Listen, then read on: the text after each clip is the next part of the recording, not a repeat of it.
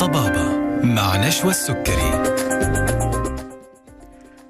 السلام عليكم ورحمة الله تعالى وبركاته. تحية طيبة لكم مستمعينا فين ما كنتوا من فين ما كنتوا تتابعونا سواء من الراديو أو من الجوال أو من موقعنا على الإنترنت تحية لكل من يستمع إلينا الآن وإلى ألف ألف أف أم الموجة السعودية. حياكم الله في برنامج طبابة معي أنا نشوى السكري واللي هكون معاكم لمدة ساعة ابتداء من الآن وإلى الساعة 2 بعد الظهر على الهواء مباشرة وموضوع طبي جديد مع ضيف مميز من ضيوف طبابة. ولأن برنامجنا برنامج مباشر على الهواء فبيسعدنا إنكم تتواصلوا معنا من خلال عيادة طبابة الاتصال على هاتف البرنامج 012 61 61 100 أو إرسال رسائلكم على واتس البرنامج 055 66 89 01 أيضا يمكنكم التواصل معنا من خلال حسابات ألف ألف أف أم على السوشيال ميديا على الفيسبوك إنستغرام تويتر وحتى اليوتيوب.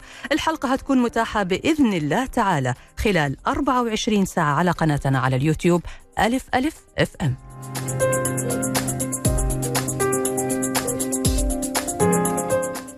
موضوع حلقتنا اليوم عن السرطان.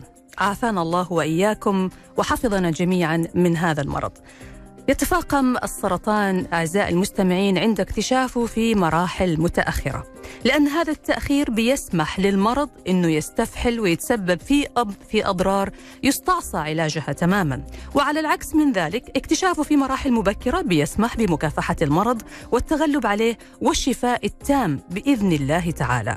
طبعا مرض السرطان مرض منتشر عالميا لكن تعتبر منطقة الشرق الأوسط واحدة من أكثر المناطق تأثرا في العالم بمرض السرطان ولهذا تم تخصيص يوم 4 فبراير كيوم عالمي للسرطان للتعريف بهذا المرض وبعلاماته وأعراضه وأهمية اللجوء لبرامج الفحص والكشف المبكر بما يتيح لجميع المرضى فرصة لمكافحة المرض ومنحهم كل وسائل التغلب عليه. ولذلك يعتبر شهر فبراير هو فرصة للتعريف والتوعية بمرض السرطان.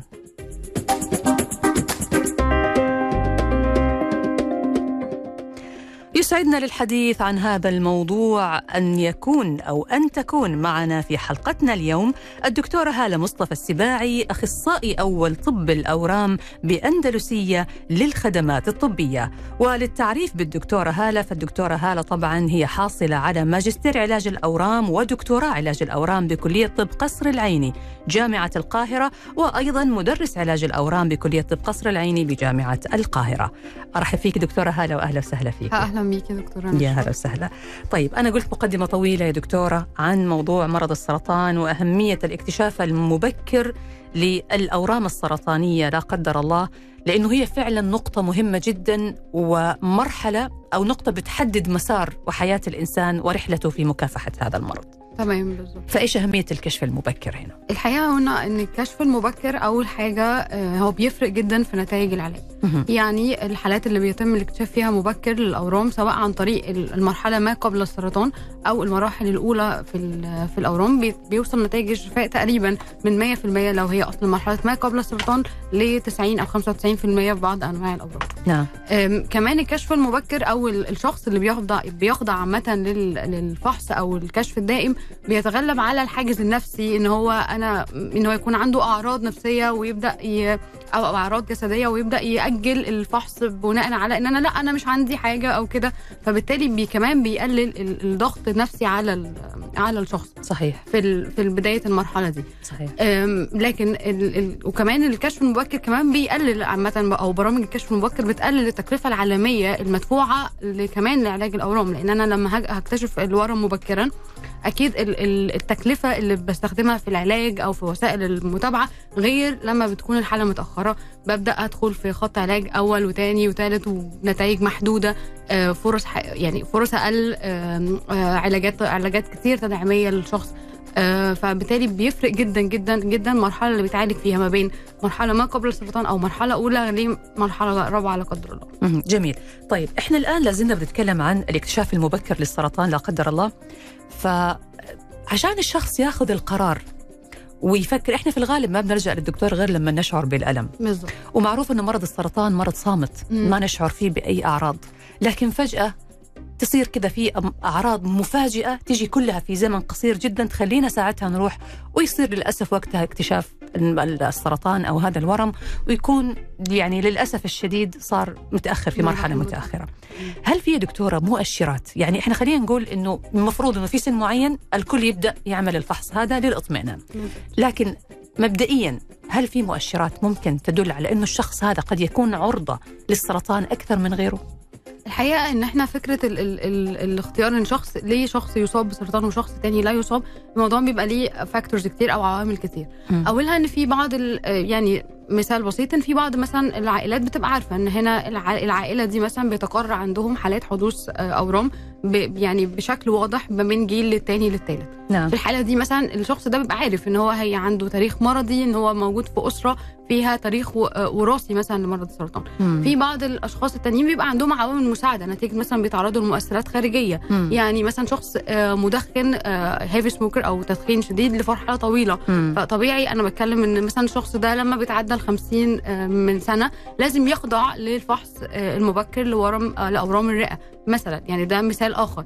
بعض مثلا حالات سرطان مثلا زي سرطان الثدي لو بنتكلم عليها ال cancer family في الثدي أو السرطان العائلي. يعني هتلاقي السيدة آه لا أنا والدتي جالها مثلا في سن الأربعينات وأختي في الثلاثينات. وتبدأ هي تتجاهل الموضوع لا برغم إن إحنا مثلا في مرحلة زي كده لا حضرتك بنشوف أصغر سن في العائلة آه، حصل فيه الإصابة وبنبدأ حضرتك نبني عليه. تبداي الكشف المبكر قبله. قبلها كمان ب 10 سنين. وكمان في الحالة زي كده هي المفروض تكون يعني إيه آه يعني مدركة إن الموضوع مش آه يعني مش مجرد إن أنا بأجل فأنا ما عنديش حاجة لا يعني نسبة الإصابة بتعلى جدا في المرحلة دي أو في ال- في الحالة دي.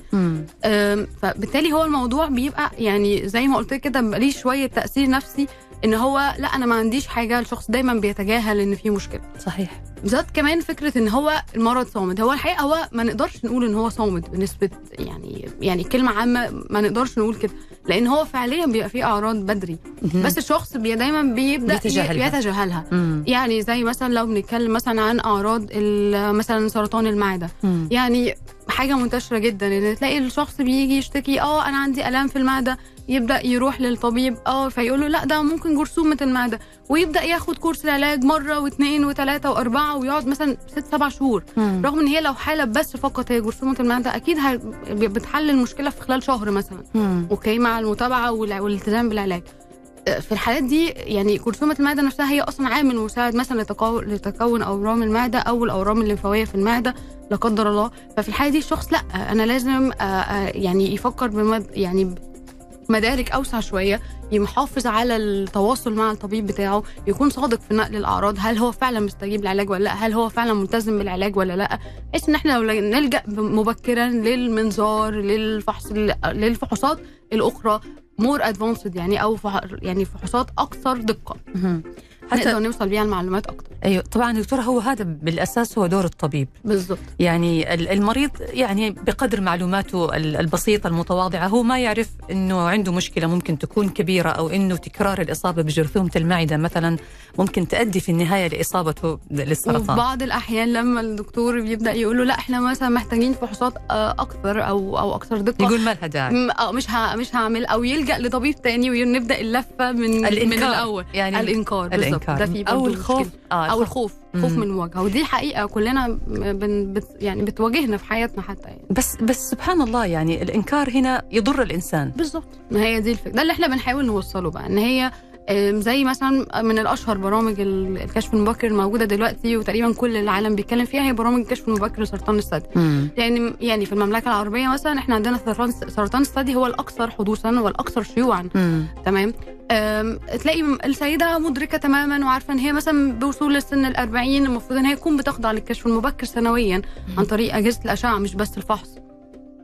بس هما لا ما مش يعني هل كل سيدة وصلت سن ال 40 م. راحت فعلا إن هي تعمل الماموجرام أو لا. تبقى تفحص لا. بالتالي في في هنا مشكلة.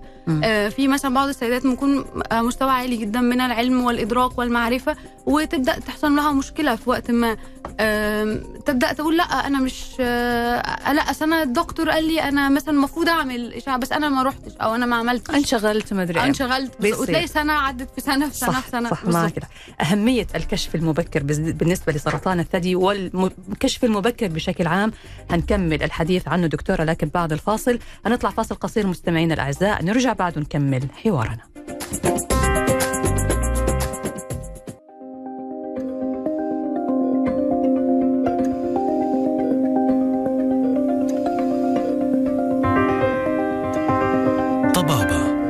مع نشوى السكري حياكم الله من جديد مستمعينا الأعزاء وأهلا وسهلا فيكم في طبابة على ألف ألف أف أم الموجة السعودية ومع ضيفتنا اليوم الدكتورة هالة مصطفى السباعي أخصائي أول طب الأورام بأندلسية للخدمات الطبية وموضوعنا اليوم عن أورام السرطان الوقاية والعلاج طبعا لأنه إحنا في شهر فبراير اللي فيه اليوم العالمي للسرطان. حياك الله دكتورة هالة وأهلا وسهلا فيك من جديد. أهلا بيك. طبعا مستمعينا لازلت أذكركم إنه بإمكانكم ال- التواصل معنا من خلال واتس البرنامج 055 66 89 01 اللي عنده أي سؤال أو أي استفسار أو استشارة للدكتورة هالة الله يحييكم أرسلوا لنا على واتس البرنامج وهنجاوب على أسئلتكم في الجزء الأخير من الحلقة. طيب دكتورة إحنا كنا قبل الفاصل بنتكلم عن أهمية الاكتشاف المبكر وكنا بنقول إنه في مؤشرات.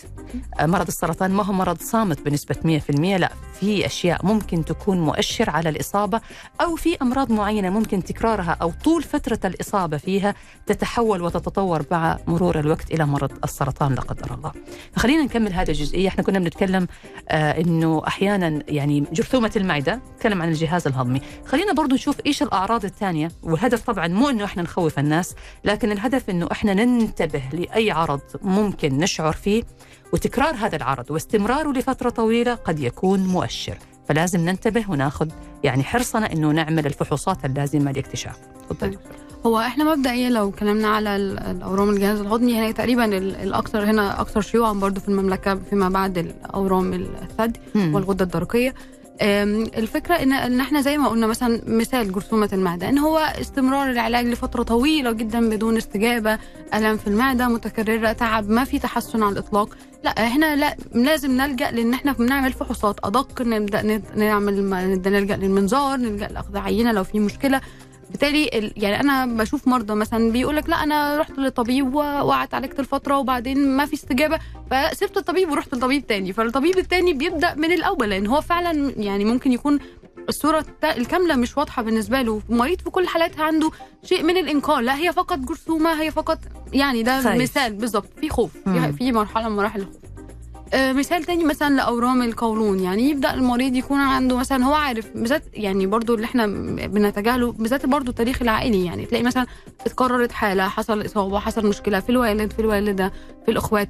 يب لازم لازم المريض يكون منتبه إن أنا هنا عندي عامل خطورة. ال ال الورم والتغييرات الجينية المرتبطة بالوراثة يعني منتشرة جدا في الأورام السرطان عموما. مم. يعني سرطان اورام ال- ال- المعدة أورام القولون أورام البنكرياس. فيها تاريخ عائلي قوي وتناقل جيني من جيل للآخر مم.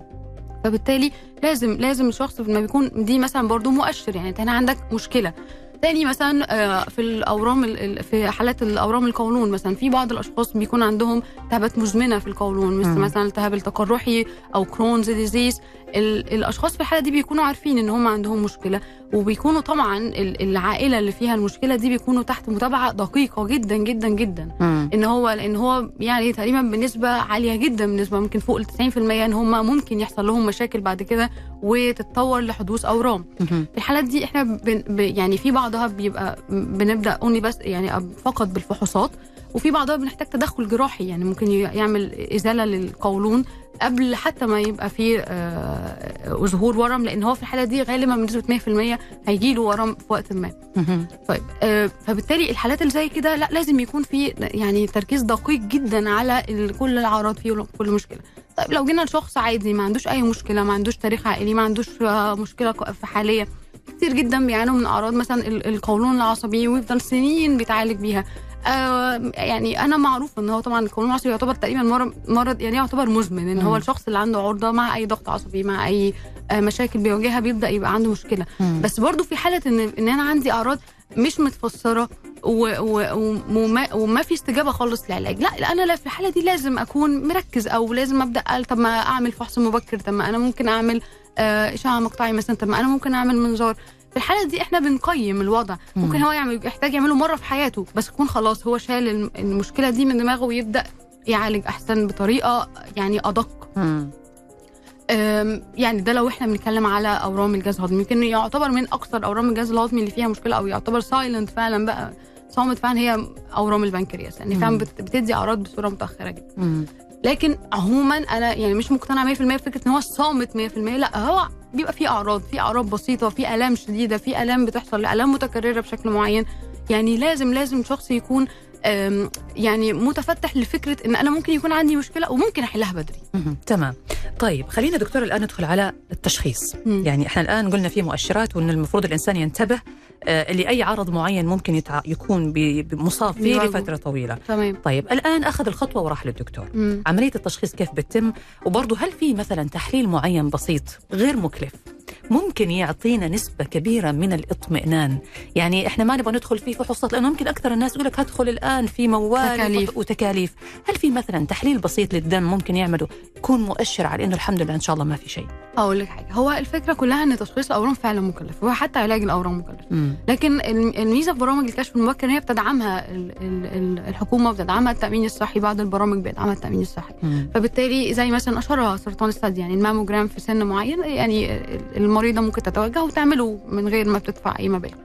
آه، لكن لو أنا بتكلم على تحليل واحد لكل الأورام لا ده مش يعني مش مش الحاجة اللي هي بتتعمل بالطريقة دي لا مم. هي كل حالة طبعا على حسب الحالة وعلى حسب المرحلة السنية اللي فيها الشخص وعلى حسب لو هو عنده أعراض أو لا فبالتالي بتختلف من من طريقة لاخرى. لكن اللي إحنا ممكن نتكلم فيه اللي هو إن إن ال ال يعني إن حتى لو أنا بتكلم إن أنا عندي تكاليف عالية أو أنا عندي أم أم مشكلة إن أنا آه هدفع كذا وكذا وكذا. ففي حاجات كتير جدا من اللي إحنا بنعملها في الأول بتبقى فحوصات عامة. مم. يعني مش بس خاصة بالأورام يعني مثلا أنا بتكلم زي سرطان الثدي إحنا مثلا هنعمل الماموجرام. الماموجرام already هو مدعوم مثلا في في التأمين أو المريضه ممكن تعمله من غير ما تدفع. لكن مثلا لو أنا بتكلم مثلا على سرطان ال- القولون في بعض الدلالات الأورام اللي ممكن نستخدمها في مرحلة مبكرة. في بعض الإشاعات اللي هي إشاعات عادية بتعمل في أي حالة مثلا.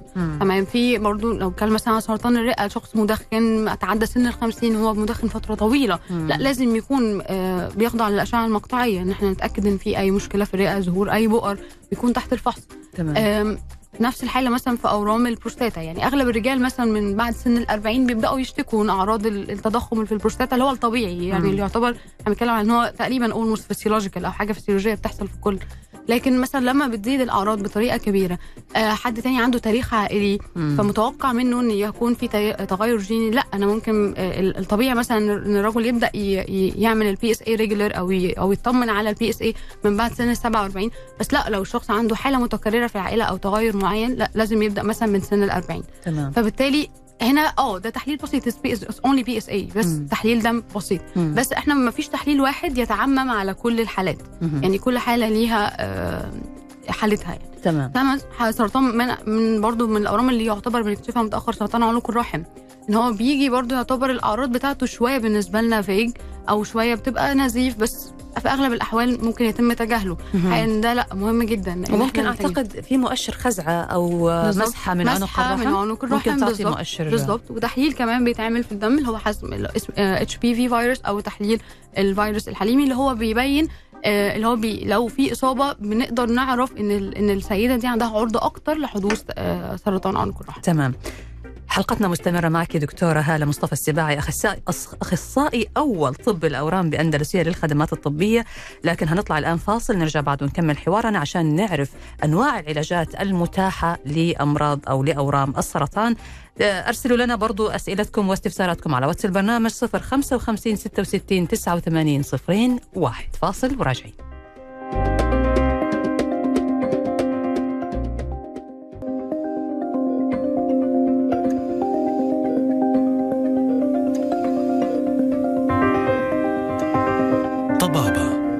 طبابة مع نشوى السكري يا هلا وسهلا فيكم. من جديد مستمعينا الأعزاء في برنامجكم طبابة على ألف ألف إف إم. ومع ضيفتنا اليوم الدكتورة هالة مصطفى السباعي أخصائي أول طب الأورام بأندلسية للخدمات الطبية. لازلنا نستقبل أسئلتكم على واتس البرنامج 055 66 89 صفرين واحد. أرحب فيك دكتورة هالة وأهلا وسهلا فيك من جديد. أهلا بيك. يا هلا.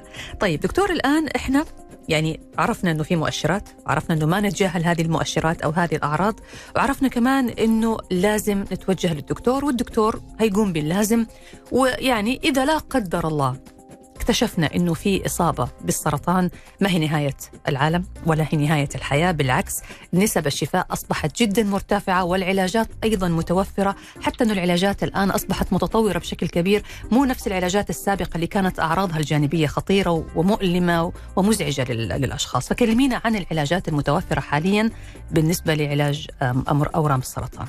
هقول هو مبدئيا إحنا في علاج الأورام بيتسم كده أو كل الطب دلوقتي بيلجأ للفريق الطبي يعني مم. هو علاج الأورام مش بس طبيب الأورام المختص أو الطبيب اللي هو طب الأورام لا كمان بيبقى فيه دور للجراحة والأشعة التشخيصية والتدخليه ودكتور ال- الباثولوجي اللي هو ال- ال- العلم الأنسجة كل دول بيت يعني بيتعاونوا من أخذ يعني من أجل أخذ القرار الأفضل في حالة المريض سواء تمام. التدخل الجراحي الأول ولا تدخل بالادويه أو العلاجات الأول ولا ممكن نقدر نعمل إجراء عن طريق بس جلسه الاشعه التداخليه أو عن طريق يعني موجات موجات صوتية أو طرق العلاج المختلفة. طيب لو إحنا بنتكلم بقى على علاج الأورام نفسه اللي هو كطب أورام فطبعا الأشهر وذو السمعة الأسوأ العلاج الكيميائي. إن العلاج الكيميائي من الأدوية طبعا اللي بتستخدم بقى لها سنين. وبرغم إن إحنا بنتكلم إن إحنا مش مش في تطور وإن هو ما كانش أحسن حاجة بس أنا حاليا أنا في المرحلة اللي أنا فيها بشوف مرضى كتير متعالجين بال- بالعلاج ال- اللي هو الأساسي من 20 و30 سنة سبحان الله عايشين حياة كويسة جدا وكملوا حياتهم بصورة طبيعية تماما مم. آه، فيعني برغم إن يعني إن العلاج الكيميائي اللي هو بنتكلم عليه في الأول مشاكله كتير بس الحقيقة إن إحنا برضو برضو أعراضه الجانبية يعني بيبقى فيها شوية من التهويل يعني لأن مم. أغلب الأعراض اللي بتحصل هي اولا أعراض مؤقتة بيبقى معاها أدوية بيبقى معاها بناخد أدوية تدعيمية لل- للمريض ف يعني وجود الأعراض ال- ال- اللي هي ال- ال- بالصورة السيئة الشديدة للغاية ده يعني نادر لما بيحصل يعني. مم. غالبا المريض بيكون عارف حتى لو في عرض هيحصل هو بيكون عارف إن إيه العرض اللي هيحصل وبنكون واخدين حذرنا منه يعني. مم. فبالتالي آم، يعني الصورة الصورة يعني مش قاتمة قوي حتى بنتكلم على الأسوأ يعني. طبعا في بعد كده علاجات تانية وفيها يعني في updates كتير. اولا الأدوية الكيميائية نفسها بقى في أنواع جديدة أحسن كمان. وبط يعني طريقتها أو الطريقة اللي بتتاخد بيها ألط- يعني أحسن وأسهل في طبعا العلاجات الموجهة العلاجات الموجهة اللي هي ال target therapies اللي هي بت- بتروح بالظبط على خلايا ال- الورم يعني من ضمن مساوئ العلاج الكيميائي إن الورم إن هو العلاج بيروح للجسم كله لخلايا الجسم كلها. فبالتالي بيأثر على كل ما هي خلايا خلية بيحصل فيها انقسام سريع جدا زي خلايا الأورام بيأثر عليها عشان. كده مثلا بتسبب أعراض الجهاز الهضمي أعراض ال- ال- النقص المناعة كذا كذا ليه؟ لأن الخلايا دي طبيعتها آه، قريبة جدا من طبيعة الخلايا السرطانية إن هي خلية عالية الانقسام. تمام؟ فده بيسبب الأعراض. لكن ده من هنا جت فكرة ال target therapy إن أنا بتارجت الخلية السرطانية بس. أنا هدفي هي الخلية السرطانية بس هي دي اللي أنا بعملها. ممتاز. ما, ب... ما بيأثر على الخلايا الثانية ما بيأثر على الخلايا مم. التانية بالصورة الكاملة يعني. مم. ممكن يأثر على خلايا تانية بس بس مش بصورة العلاج الكيميائي. لا مم. بتبقى خلايا معينة. فبالتالي هنا بتقل الأعراض بتقل الآثار الجانبية وبتحسن نسب الشفاء. مم. حاجة تانية برضو كمان في في العلاجات اللي إحنا بنستخدمها حاليا هي العلاجات الموجهة ال- العلاجات المناعية يعني إيه العلاجات المناعية هي العلاجات اللي بتستهدف تحسين مناعة الجسم. لأن إحنا برضو في الأول ممكن ما كلمناش عن فكرة إن الخلايا السرطانية في الطبيعي أي خلايا ممكن يحصل فيها تغير جيني يؤدي للسرطان بس في الطبيعي وفي الظروف العادية وفي في ال optimum conditions يعني زي ما بنقول في الجسم إن الخلايا دي بيتم تدميرها عن طريق مناعة الجسم. تمام فالجزء من تكون الورم هو خلل المناعة إن الخلايا دي escaped أو هربت من مناعة الجسم وبدأت تكون ورم مم. فده نفس فكرة العلاج المناعي اللي هو إن أنا ب... لا أنا بنبه الجهاز المناعي إن هنا في خلية فيها مشكلة وبالتالي يبدأ الجسم نفسه هو. اللي يهاجمها. وبالتالي نتائجه رائعة رائعة بالذات سرطانات الجلد معروفة بالميلانوما الحالات اللي هي كانت علاجات فيها محدودة للغاية. حسنت نسبة العلاج جدا ونسبة شفاء بصورة رائعة زي مثلا أورام ال- الميلانوما أو أورام الجلد مم. النوع ال ال ال الشديد جدا اتحسنت جدا مع وجود الأدوية المناعية. كويس. كذلك بيتم استخدامها دلوقتي في سرطان الثدي سرطان الرئة وسرطان القولون وال... يعني يعني إحنا بنحفز الجسم انه هو بنفسه إن هو بنفسه يقضي على هذه الخلايا السرطانية. ممتاز. فبالتالي ما بيكون في أعراض جانبية زي الأدوية بيكون في اعراض يعني. بيكون في أعراض جانبية بس بيكون طبعا ال- ال- المريض الأورام بالنسبة لنا هو وال- وال- والطبيب الخاص بيه بعلاقة وثيقة جدا. مم. لأن إحنا بنكون يعني قايلين لكل المريض كل every tiny detail زي ما بنقول أو كل كل تفصيلة في اللي هو ممكن يواجهها أو مشكلة تحصل. مم. فبالتالي بنتوقع إن شاء الله يعني إن شاء الله ال- المشكلة قبل ما ما تتطور. تمام يا دكتور. تمام.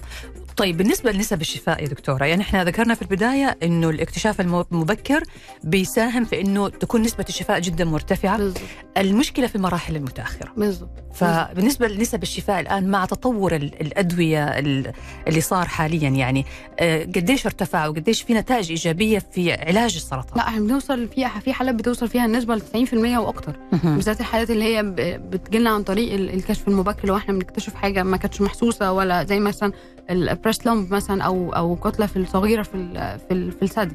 لأن أنا عايزة مثلا أوضح لك حاجة. إن خلية ال- ال- السرطان اللي في الثدي دي عشان تكون ورم محسوس يتحس مثلا يمكن مثلا سنتي أو 2 سنتي يعني أنت تتوقعي إن الخلية دي موجودة في الثدي ده بقى لها مثلا سبع سنين. تمام. قبلها مم. فبالتالي أنا ال ال ال طول الفترة اللي فاتت دي أنا ممكن أقدر ألاقي تغييرات تخليني أعمل آه، أعالج فبالتالي في الحالة لو أنا اكتشفتها في المرحلة اللي قبل لا هي خلاص هو 100% مفيش مشكلة مم. زي نفس فكرة مثلا حالات سرطان القولون نفس الفكرة بالظبط. نفس الفكرة برضو اللي إحنا ما ما اتكلمناش عليها مثلا حالات اللي بيحصل فيها ال- التهاب كبدي بيأثر على الكبد وطبعا فيروس C أو فيروس B يعني تقريبا معظم الحالات B في الحالات المتأخرة بيحصل تليف ونسبة عالية جدا منها بيحصل لها اورام. نفس الفكرة برضه. لو أنا الشخص اللي عنده ال- المشكلة أو هو عنده عارف إن هو عنده فيروس C أنا ممكن أبقى خاضعه يعني المتابعة دقيقة جدا بحيث إن أنا أي بؤرة أقدر أكتشفها بدري أكتشف أقدر أعالجها قبل ما يبقى في مشكلة في وظائف الكبد والمريض ما يقدرش ياخد الأدوية. طبعا هنا برضه بتحسن جدا نتائج العلاج. تمام. طيب بعد الشفاء يا دكتورة بإذن الله طبعا وبأمره سبحانه وتعالى كيف بيكون أسلوب الحياة آه، للشفاء وللمتابعة؟ يعني هل مريض السرطان بعد الشفاء مطلوب منه أنه يظل على طول في متابعة مستمرة آه. خوفا من أنه يرجع له مرة ثانية؟ بالظبط بالظبط بيبقى إحنا بيبقى برامج المتابعة عموما لل, لل يعني برامج معروفة وع- يعني على حسب الجايد لاينز أو التعليمات العالمية يعني. إن هي كل م- برامج تقريبا إحنا بنتكلم إن أول خمس سنين على الأقل من بعد انتهاء لفترة العلاج بيكون المريض على علاقة وثيقة ومتابعة مستمرة مع الطبيب الخاص بيه. إن إحنا تقريبا بعض الأورام بيتكلم إحنا بنتكلم بنتابع كل ثلاثة لست شهور في- بالذات في الأول سنتين أنا بديكي يعني فكرة عامة مم. وبعد كده بنتكلم إن إحنا على الأقل بنشوف المريض مرة سنويا. وساعتها. بنكون محددين بروتوكول علاج بروتوكول المتابعة. هل هو عن طريق بس ال- الفحص المريض أو الفحص ال physical أو اللي هو ال- الفحص الطبيب ولا عن طريق إجراء كمان إشاعات وفحوصات؟ تختلف من من ورم للتاني بتختلف من حالة للتانية على حسب المرحلة. فبالتالي بس هو يعني عادة عادة لا وإحنا لازم آه، المريض اللي عنده تاريخ مرضي سرطان لازم يفضل دايما تحت المتابعه مهم. يعني في احتمالية أنه يرجع مرة ثانية حتى لو ما كانش فيه احتمالية عندنا كذا مشكلة. ممكن يكون فيه احتمالية إن هو يرجع. فيه ممكن يكون فيه مشكلة إن هو يحصل له مشاكل أعراض جانبية على المدى الطويل. يعني إحنا مثلا من ضمن برضو طرق علاج الأورام ما اتكلمناش عليها هي العلاج الإشعاعي. يعني فبيبقى ممكن يبقى ليه بعض التغييرات اللي بتحصل في الجسم. المريض آه لأ مثلا بيحس إن في جزء من الجلد اتغير الملمس اتغير فبالتالي آه، في نسبة ضئيلة جدا من إن هو يحصل مشاكل تانية. فبالتالي لازم المريض ده يكون دايما تحت المتابعة. مش المتابعه اللصيقه إن أنا بشوفه كل شهر لأ لكن مثلا بشوفه كل سنة كل ست شهور على حسب الحالة وعلى. حسب الفترة برضو اللي هو بقى له يعني اتعالج مثلا الاكيد اللي اتعالج من 10 سنين غير اللي اتعالج لسه من سنة أو اتنين مهم. تمام حلقتنا مستمرة معك دكتورة هالة مصطفى السباعي أخصائي أول طب الأورام بأندلسية للخدمات الطبية لكن هنطلع الآن فاصل قصير نرجع بعد ونكمل حوارنا ولا زلنا نستقبل أسئلتكم على واتس البرنامج 055 66 89 01 هنجاوب على الأسئلة بعد ما نرجع من الفاصل بإذن الله تعالى. فاصل ونواصل.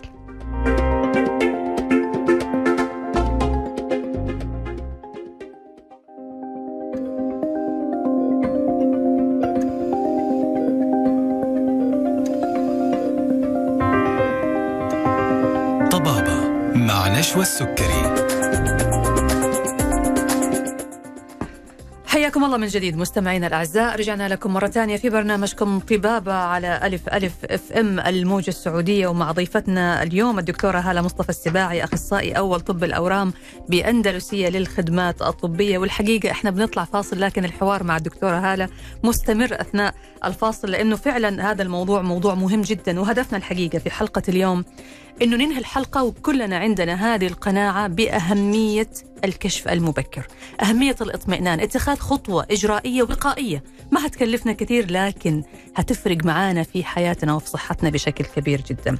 أرحب فيك مرة ثانية دكتورة هلا وأهلا وسهلا فيك.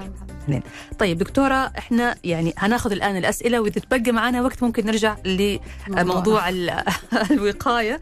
ومع إنه إحنا جاوبنا على الوقاية وتكلمنا عنها وقلنا إنه أهم شيء في الوقاية هو اللجوء إلى الكشف المبكر مع الشعور بأي أعراض أو حتى إجراء روتيني يعني بشكل سنوي. طيب ناخذ دكتوره هذا السؤال آه سؤال يقول تم استئصال الرحم والمبيض منذ أكثر من عشرين عاما هل هناك فحوصات دورية ضرورية للمتابعة لسيدة عمرها آه 73 سنة. طيب هو تم استئصال الرحم والمبيض لإيه؟ بسبب إيه؟ وجود ورم ولا بسبب إن هي حالة طبية تانية ولا؟ بس من من نص السؤال كده يعني يبدو إن هو في كان في حالة أورم. لو هل ممكن يعني ممكن يرسلوا لنا يكون في آه. آه لو هو طبعا حالة كانت يعني بتعاني من ورم ما في في المبيض أو في في الرحم لا هي المفروض إن هي كانت تحت المتابعة لفترة يعني فترة مش أقل ما لا يقل عن خمس آه سنوات مبدأ. يقول دكتورة كانت أورام حميدة من المرحلة الثالثة. لا أورام حميدة لا هو يعني هي غالبا اللي عمل ده كانت بعيدة عن الأورام الخميسة إحنا بنتكلم في الخلايا السرطانية. نعم. أورام حميدة بتكون بتتابع مع طبيب النساء الخاص بيها بت... أغلب الحالات زي كده بقى بنتكلم في في مشاكل تانية أنا مشاكل نتيجة إزالة المبيض حاجات بعد الجراحة. بس هي طالما هي ما اتشخصت إن هي في ورم خبيث لا هي ما تحتاج تبع تحت المت... تبقى تحت المتابعة من طبيب الأورام المختص. مم. لكن بتتابع مع طبيب النساء لو عندها أي مشكلة. ساعتها دكتور النساء هو اللي بيقول لها بقى بروتوكول المتابعة كامل وهل إيه محتاجة تتدخل بإيه بالظبط في أي وقت. تمام. لكن طالما ما اتشخصت أورام سرطانية لا ما تتابع كويس. طيب في عندنا كمان سؤال ثاني دكتورة يقول كنت قد أصبت بأورام الغدد الليمفاوية الليمفوما. وتعالجت منها ولله الحمد منذ خمس سنوات. الحمد لله والحمد لله على سلامتك. والله يتم عليك دائما بالشفاء ويمتعك بالصحة والعافية. يقول أنا الآن في مرحلة المتابعة الدورية وأنا الآن لدي طفح جلدي وحكة. فهل لها علاقة بالليمفوما السابقة أم أنها حالة مرضية مستقلة؟ علما بأن الأجواء الباردة الآن يعني بنعاني منها بشدة. طيب الطفح الجلدي والحكة ومع شكل الطفح لا يفضل إن إحنا نشوف ال ال الشكل ده إيه مم. يعني يفضل إن هو يلجأ للطبيب بتاعه بالأعراض اللي موجودة مم. عنده ويتأكد إن هو الطبيب هيقول له يعني هي زيارة للطبيب تأكد إن هو هل ده حاجة طبيب الأورام حساسيه آه طبيب الأورام اللي بيتابع معاه. إحنا بنفضل إحنا دايما دايما دايما بنفضل إن المرضى يجوا لنا حتى لو في مشكلة تانية مم. آه وإحنا يعني إحنا هندايركت هم أو هنوجهه للطبيب لو هو خارج اختصاص الأورام مم. يعني إحنا ما بنحب التدخل بس يفضل إن هو طبعا يلجأ للطبيب يوريه شكل الليجن الموجود أو شكل الإصابة اللي في الجلد الموجودة ويبدأ هو يقول له آه، محتاجين نعمل إيه. يعني لازم التوجه لطبيب الأورام وعمل بعض الفحوصات للإطمئنان أنه هذا الطفح ما له علاقة ما له علاقة بالورم. تمام. طيب حالة ثانية دكتورة تقول آه اكتشفت إنه عندي أورام ليفية صغيرة أو لحميات وزوائد آه كشفتها لي دكتورة النساء والولادة آه عمري 47 عام والدكتورة قالت عادي يمكن الاستمرار ومواصلة الحياة بشكل طبيعي آه ومتابعة الحالة، هل من الإمكان أن تتحول هذه اللحميات أو الزوائد إلى أورام سرطانية لا قدر الله؟ هو اولا هو بيتعامل على شكل شكل ال ال ال الإصابة الموجودة أو اللحميات الموجودة في الرحم إيه مم. تاني حاجة إن في نسبة إن هي إن هي تكون حميدة وتتحول ل- لاورام خبيثة. الحالة زي كده السيدة في سن ال 47 يعني هي غالبا في سن وقوف ال- ال- الطمس وهي غالبا هي يعني ممكن تكون كملت الأسرة بتاعتها ما عندها رغبة في الإنجاب مرحلة تانية. آه بالظبط. لو هي بتعاني من مشاكل في الحالة دي هي بتكون بتتابع مع دكتور النساء بدقة. لو التغيير في حصل فيه أي تغيير أو شكل. لكن أنا أعتقد يعني إن هو دكاترة النساء في الحالة دي هيقولها بالظبط هل الأفضل إن هي تشيلها ولا تتابع؟ بالذات إن هي في مرحلة إن هي لو حتى شالت الرحم فقط مش. هيكون فيها ضرر كبير ليها يعني. تمام. يعني بس هي تتابع مع دكتورة النساء بشكل دائم. كل كم يا. دكتورة؟ يعني مثلا بشكل دوري. كل ست شهور كل سنة. هو بيحدد لها البروتوكول على حسب هو ال ال ال الصورة العامة اللي هو شايفها إيه. يعني هل الورم ده آه، في مكان خطير مسبب لها أعراض مسبب لها ضغط الورم بيزيد بشكل آه، مش طبيعي. أو إن في عندها أي مشاكل تانية. لكن طالما الدكتور مبدئيا قال لها إن هي بتتابع يبقى هو في إحنا بنتكلم في إطار إن هي أورام حميدة ما فيش فيها مشكلة ممكن تتابعها. تمام. طيب. آه سؤال ثاني دكتورة يقول ما رأي الدكتورة هالة في موضوع تجويع الخلايا السرطانية والتوقف عن تناول السكريات واللحوم والأجبان والألبان؟ هل بالفعل يمكنها أن توقف وأن تقتل الخلايا السرطانية؟ الحقيقة إن هو الكلام ده بيتقال كتير جدا وشائع جدا بين الناس إن هو إن أنا هوقف السكريات مثلا وبالتالي الخلية تموت أو هوقف الاجبان والخلايا تموت الحقيقة مش هي بس اللي هتموت خلايا جسمك كلها مم. لأن الخلايا ال- يعني الشخص إن إحنا بنعتمد على التغذية بتاعتنا على صح. السكريات والألبان والدهون وكل حاجة مهم. فبالتالي ال ال الأفكار الموجودة دي كلها أفكار يعني ما فيش ابدا ابدا ابدا طبيب اورام مختص هيقول الكلام ده خالص. الحقيقة إن إحنا اللي بننصح بيه دايما بنتكلم عليه دايما هو الغذاء الصحي المتوازن مم. يعني ال- الجلوكوز مثلا أو السكريات عموما كل خلايا الأورام آه بتستهلك آه، سكريات زيادة عن الخلايا الطبيعية مم. ده لأنها خلايا نشطة جدا تمام والفكرة دي أصلا اتبنت عليها أفكار من أنواع الاشعاعات الحديثة جدا هي البيت اتبنت على فكرة ال ال إن الخلايا الأورام بتاخد نسبة سكريات عالية جدا أكتر من الخلايا العادية. لكن الفكرة إن أنا لو وقفت السكر في جسمي هل الخليه هتموت؟ لا طبعا مفيش حاجة اسمها كده. إن إحنا لما بنوقف السكر في جسمنا جسمنا بيعمل عملية آه، يعني ليها علاقة بال بال بالهضم والامتصاص بيبدأ يور يعني يجيب السكر ده من أماكن تانية في الجسم. تمام. ففكرة تجويع الأورام دي مش فكرة متاحة.